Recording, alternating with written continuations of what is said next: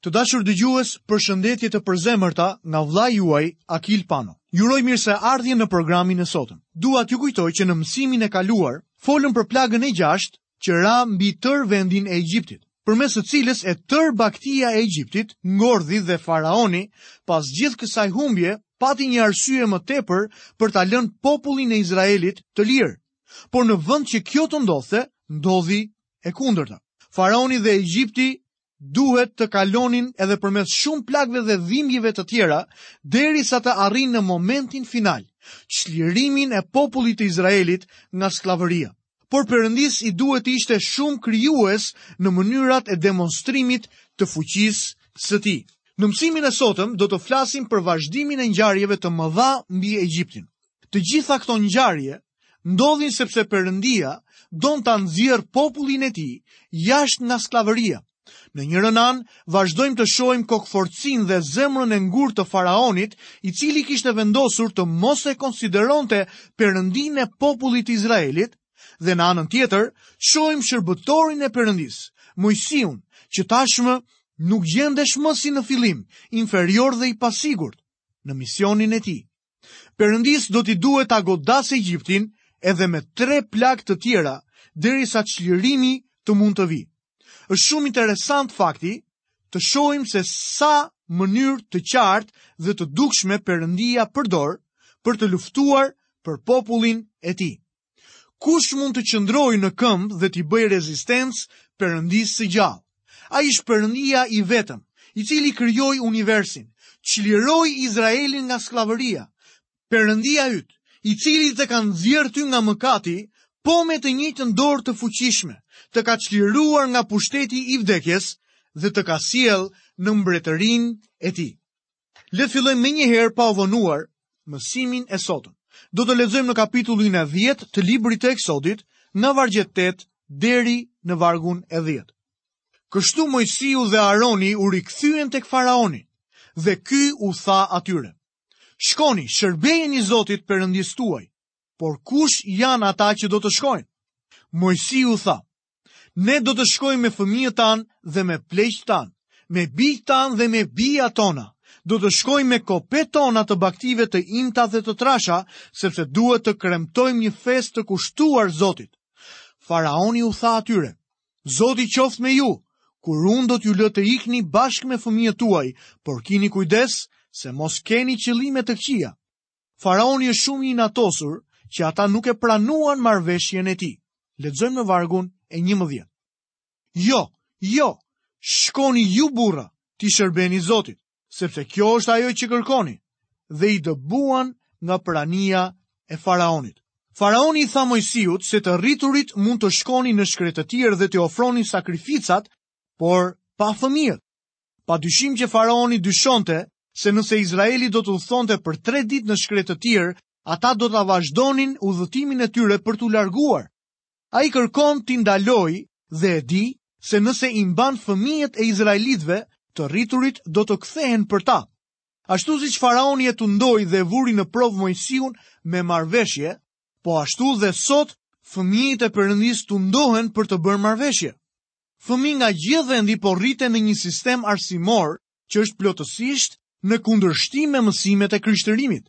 Fëmijës së Perëndisë i thuhet se duhet të mësojë që të ecë me botën, të bëjë sa më shumë para dhe të përfshihet në botë. Unë kam qenë pastor për më shumë se 30 vjet dhe gjithnjë e më tepër Kam parë prindër të krishterë që kërkojnë më të mirën për fëmijët e tyre. Ata kërkojnë që fëmijët të marrin arsimimin më të mirë. Kërkojnë që fëmijët e tyre të kenë sukses dhe të jenë të pasur. Njëri pas tjetrit kanë rënë dhe janë larguar nga Zoti. Shumë anëtarë në kishat ku kam shërbyer, i kanë humbur fëmijët e tyre për botën. Dëshira për më të mirën e botës për fëmijët e tyre është tundimi më i lehtë ku mund të bien prindërit e krishterë. Çfarë prisni miqtë e mi, kur i dërgoni fëmijët në ato institucione të botës dhe kthehen në shtëpi me pikëpamje krejt të ndryshme nga pikëpamjet e juaja të besimit? Përse thoni si mund ta bëjë këtë kur është rritur në një familje të krishterë? Problemi është se në të vërtetë ai nuk është rritur në një familje të krishterë. Prindërit e shumë të rinjve mund të jenë të krishterë shumë të dashur, por ata nuk i kanë mësuar vërtet fëmijët e tyre me vlerat dhe normat e krishtera. Ata ishin kaq ambiciozë dhe në ankth për fëmijët e tyre që të përparonin në botë sa i humbën ata. Moisiu dhe Aroni nuk do ta pranonin marrëveshjen e faraonit dhe kjo e inatosi atë akoma edhe më shumë. Megjithatë nuk arriti asgjë nga zemërimi i tij, sepse një plagë tjetër ishte gati të fillonte. Lexojmë vargjet 12 deri 15. Atëherë Zoti i tha Moisiut, shtrije dorën tënde mbi gjithë vendin e Egjiptit, për karkalecat me qëllim që ata të ngjiten dhe të mbulojnë vendin e Egjiptit dhe të përpijnë tërë bimësinë e vendit, tërë ato që ka lënë breshëri. Atëherë Moisiu zgjati bastunin e tij mbi vendin e Egjiptit, dhe Zoti ngriti një erë nga lindja mbi vendin tërë atë ditë dhe tërë natën. Sa erdhi mëngjesi, era e lindjes solli karkalecat dhe karkalecat u ngjitën në tërë vendin e Egjiptit dhe u ulën në tërë territorin e tij në numër të madh. Nuk kishte pasur kurrë një murtajë të tillë karkalecash më parë dhe nuk do të ndodhë ndonjë tjetër. Ata mbuluan faqen e tërë dheut aq sa e nxinë dheun përpinë tërë bimësinë e vendit dhe tërë pemët e drurëve që breshëri kishte lënë dhe nuk mbeti asgjë e blertë mbi drurët dhe shkurrëzat e fushës në tërë vendin e Egjiptit. Në gjykimin e karkalecave, zbulohen disa gjëra mjaft interesante. Vini re se ata nuk u shfaqën në mënyrë të mrekullueshme, ashtu siç disa nga plagët e mëparshme. Era nga lindja i solli ata nga një vend tjetër Ka mundësi, diku prej Azisë. Karkalecët ishin shumë të përhapur në zonën aziatike dhe kjo erë i kishte sjellë ata nga një hapësirë e madhe shkretëtire, prandaj ishin shumë të uritur kur arritën në luginën e gjelbëruar të Nilit. Kështu që ata e shfarosën gjelbërimin e vendit. Karkalecët janë përdorur në shkrim si një tablo gjykimi. Një plagë karkalecësh ka mundësi të jetë një nga gjërat më të këqija që duhet të përballojë njeriu. Profeti Joel përshkruante një plagë karkalecash në të kaluarën që tregon një fakt historik. Pastaj parashikoi një gjykim që do të jetë në të ardhmen për gjithë njerëzimin. Libri i Zbulesës përmend gjithashtu një plagë të madhe karkalecësh që do të vijë mbi tokë. Këto insekte ndoshta ndikuan më shumë mbi vendin e Egjiptit sesa kishte ndikuar më parë ndonjë plagë mbi tokë. Lexojmë vargun e 16. Atëherë faraoni thirri me nxitim Moisiun, Aronin dhe u tha: Unë kam mëkatuar kundër Zotit Perëndisë tuaj dhe kundër jush. Ja një tjetër rast kur faraoni e pranon përsëri mëkatin. Lexojmë më poshtë vargjet 17 deri 20.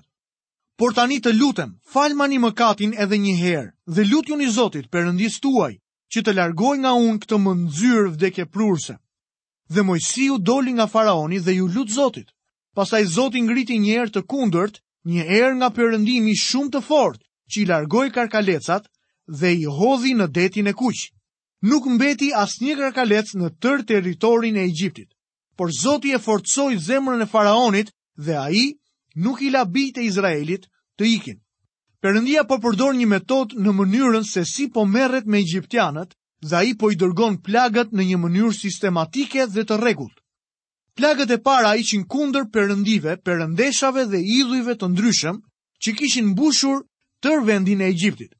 Tani Perëndia po fillon t'i drejtojë plagët në një mënyrë që sjell vështirësi të jashtëzakonshme mbi njerëzit dhe përpjekjen e tyre për të qëndruar gjallë.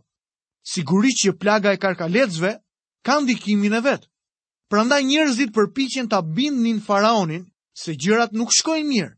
Kjo bën që faraoni të pendohet përkohësisht. Megjithatë, Sapo plaga largohet, ai ndryshon mendje dhe kthehet në qëndrimin e mëparshëm. Perëndia do ta detyrojë atë që t'i lërë bijtë e Izraelit të largohen. Le të shohim në këtë mësim plagën e nëntë, errësirën. Do të lexojmë në vargun e 21 deri në vargun e 23. Atëherë Zoti i tha Moisiut, shtrije dorën drejt qiellit me qëllim që të jetë errësirë në vendin e Egjiptit. errësirë që do të mund të preket me dorë. Dhe Moisiu e shtriu dorën e tij drejt qiellit dhe u bë errësirë e madhe në tërë vendin e Egjiptit për tri ditë. Njëri nuk shikonte tjetrin dhe asnjeri nuk lëvizi nga vendi ku ndodhej për tri ditë. Por për të gjithë bijtë e Izraelit kishte dritë në banesat e tyre. A keni qenë ndonjëherë në ndonjë vend ku mund ta prekësh errësirën? Hera e vetme që e kam prekur me të vërtetë errësirën ka qenë në Carlsbad Caverns. Shumë vite më parë, në një udhëtim për tek shpella, ata fikën dritat dhe kënduan shkëmbin e kohërave. Pati një ndikim të madh. Më kanë thënë se nuk e këndojnë më këtë këngë për shkak të kritikave prej disa jobesimtarëve, por në atë shpellë mund ta prekje me të vërtetë errësirën. Nuk kam qenë në një errësirë të tillë më parë dhe po kështu ishte edhe në Egjipt. Gjykimi ishte mbi perëndinë diell të quajtur Ra. Errësira ra mbi Egjipt gjatë ditës. Perëndia hyri me errësirë kundër perëndisë kryesore që ata adhuronin. Disku i diellit ishte simboli më i njohur që përdornin egjiptianët dhe gjendet në të gjithë artin e tyre. Plaga e errësirës tregonte se Perëndia Ra nuk ishte i aftë të bënte ndonjë gjë. Kjo errësirë ishte një mrekulli nga Perëndia dhe e bëri faraonin të propozonte një marrëveshje të katërt. Kjo ishte marrëveshja e fundit që bëri para se t'i lejonte bijtë e Izraelit të largoheshin nga vendi i Egjiptit. Le të lexojmë në vargun e 24. Atëherë faraoni thirri Mojsiun dhe i tha: Shkoni shërbejini Zotit. le të mbeten vetëm kopetë tuaja me bagëti të imët dhe të trashë, dhe fëmijët tuaj mund të vijnë me ju. Mund të mendoni se Mojsiu mund të bënte një marrëveshje për Izraelitët po të linin bagëtitë e imta dhe të trasha. Faraoni është përpjekur për një kohë të gjatë për t'i bërë lëshime Mojsiut dhe mund të mendoni se mund të binin dakord për këtë gjë. Përsëri këtu gjendet një mësim për të krishterët e sotëm. Perëndia e thirri Izraelin të largohej nga Egjipti me gjithçka. Fëmijët nuk duhet të liheshin në Egjipt që të rriteshin nën sistemin e tyre arsimor. Nëse presim që t'i rrisim fëmijët tanë në diturinë e botës dhe presim që ata t'i derdhin të gjitha energjitë e tyre për t'u bërë të suksesshëm, Duhet të përgatitemi gjithashtu që ata t'i përkasin botës. Një nënë po tregonte për përparimin e djalit të saj në një shkollë laike ku e kishte dërguar. Nuk ma përmendi se ai e kishte humbur besimin dhe pse kjo gjë kishte ndodhur. Ai ishte diplomuar nga kjo shkollë dhe kishte zënë një post të lartë. Shumë herë e shoh në shtyp emrin e tij.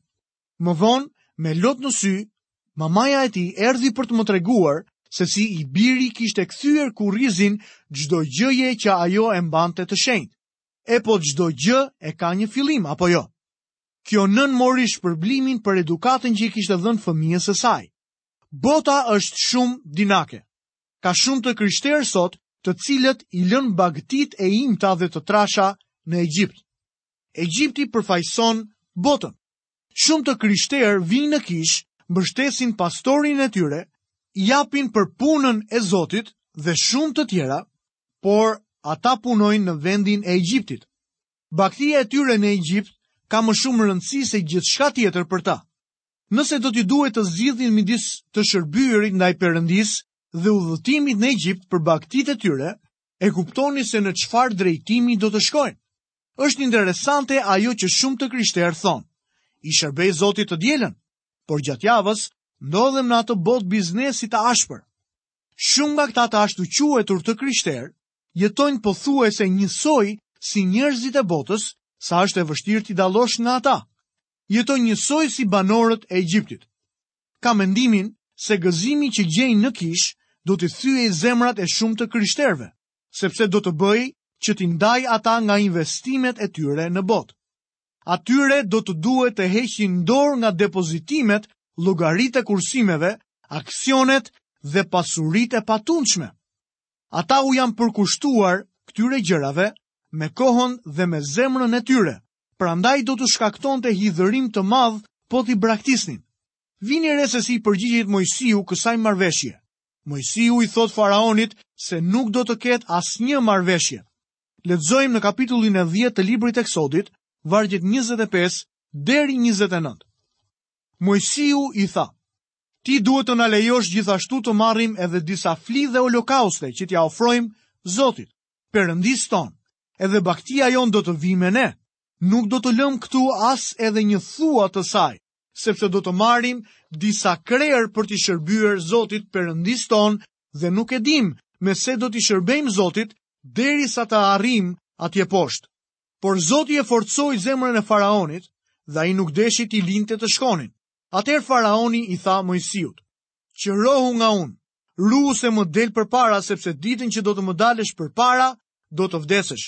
Moisiu iu përgjigj, mirë e the, unë nuk do të të dal më përpara. Nuk do të ketë asnjë marrëveshje tjetër midis tyre. Tani do të flasim për pjesën e fundit të luftës me faraonin. Vdekja e të parëlindurve është veprimi përfundimtar i gjykimit të Perëndisë mbi Egjiptin, përpara se Izraeli të çlirohet nga zgjedha e skllavërisë.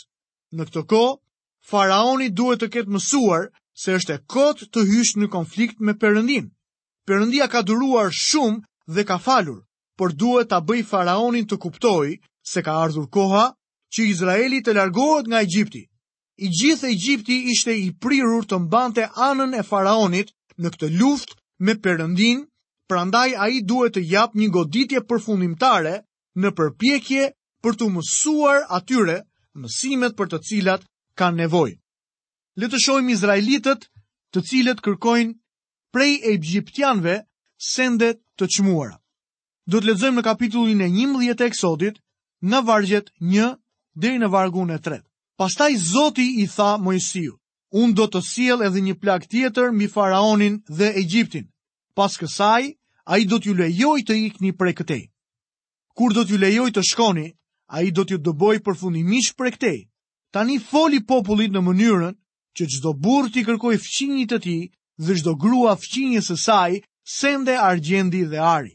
Dhe Zoti e bëri popullin të ketë hir në sytë e egjiptasve, dhe Moisiu gëzonte konsideratë të madhe në vendin e Egjiptit, në sytë e shërbëtorëve të faraonit dhe në sytë e popullit. Këtu fjala kërkoj ka kuptimin të merrnin pagat e tyre. Izraelitët kishin shërbyer për shumë vite si skllevër dhe nuk kishin marrë asnjëherë ndonjë pagesë për punën e tyre. Tani ata do të merrin hakun që u takonte. Ata duhet të shkonin tek fqinjët dhe të kërkonin pagën e tyre. Zoti i bëri Izraelitët të kenë hir në sytë e egjiptianëve dhe ata ishin të kënaqur që t'u jepnin atyre pagesën e tyre. Le të shohim të paralindurit e Egjiptit kërcënohen me vdekje. Do të lexojmë nga vargu i 4 deri te vargu i 10 i kapitullit të 11. Pastaj Moisiu tha: Kështu thotë Zoti, aty nga mesnata unë do të kaloj përmes Egjiptit dhe çdo i paralindur në vendin e Egjiptit do të vdesë, nga i paralinduri i faraonit që rri mbi fron deri tek i paralinduri i shërbëtores që rri pas mokrës. si dhe pjellja e bagëtisë. Atëherë në vendin e Egjiptit do të ketë një britmë të madhe, që nuk është dëgjuar kurrë më parë dhe që nuk do të dëgjohet asnjëherë tjetër, por kundër asnjërit prej bijve të Izraelit, qofshin ata njerëz apo kafshë, asnjë qen s'ka për të lëvizur gjuhën me qëllim që të dini se Zoti bën dallim midis egjiptasve dhe Izraelit. dhe tërë këta shërbëtorët e tu do të zbresin tek unë dhe do të përkulen para meje duke thënë, nisu ti dhe populli yt që të ndjek nga pas, mbas kësaj, unë do të nisem, dhe Moisiu u largua nga faraoni tërë zemërim.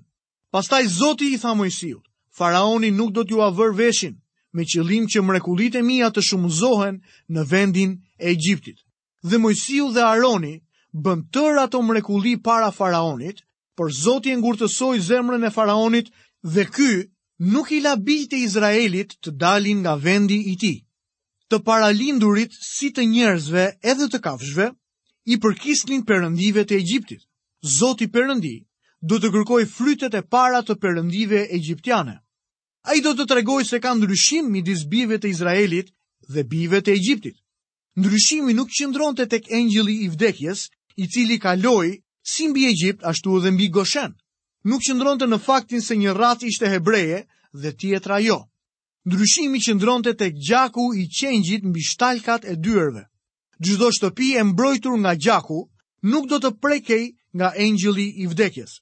Ky ishte fillimi i festës më të vjetër fetare të hebrenjve, festa e Pashkës. Pashka është një nga portretet më shprehëse të Zotit Jezu Krisht, e cila gjendet në Dhiatën e Vjetër. Festa e Pashkës u vendos si një përkujtimore për çlirimin e Izraelit nga Egjipti dhe adoptimi i tyre si kombi i Perëndisë. Pashka është një festival që hodhi themelet e lindjes së kombit të Izraelit në një marrëdhënie të re me Perëndinë. Të dashur dëgjues, këtu kemi mbërritur dhe në fundin e programit të sotëm. Dua t'ju kujtoj që në mësimin e sotëm vazhduam ngjarjet e mëdha që ndodhën mbi tërë Egjiptin. Të gjitha këto ndodhën sepse Perëndia kishte zgjedhur këtë mënyrë për të nxjerrë popullin e tij jashtë nga skllavëria. Në njërën anë, në këtë mësim, pamë kokëfortësinë dhe zemrën e ngurtë të faraonit, i cili kishte vendosur të mos e konsideronte Perëndinë e popullit të Izraelit, dhe në anën tjetër, vumë re shërbëtorin e Perëndisë Moisiun që tashmë nuk gjendej më si në fillim, inferior dhe i pasigurt në misionin e tij.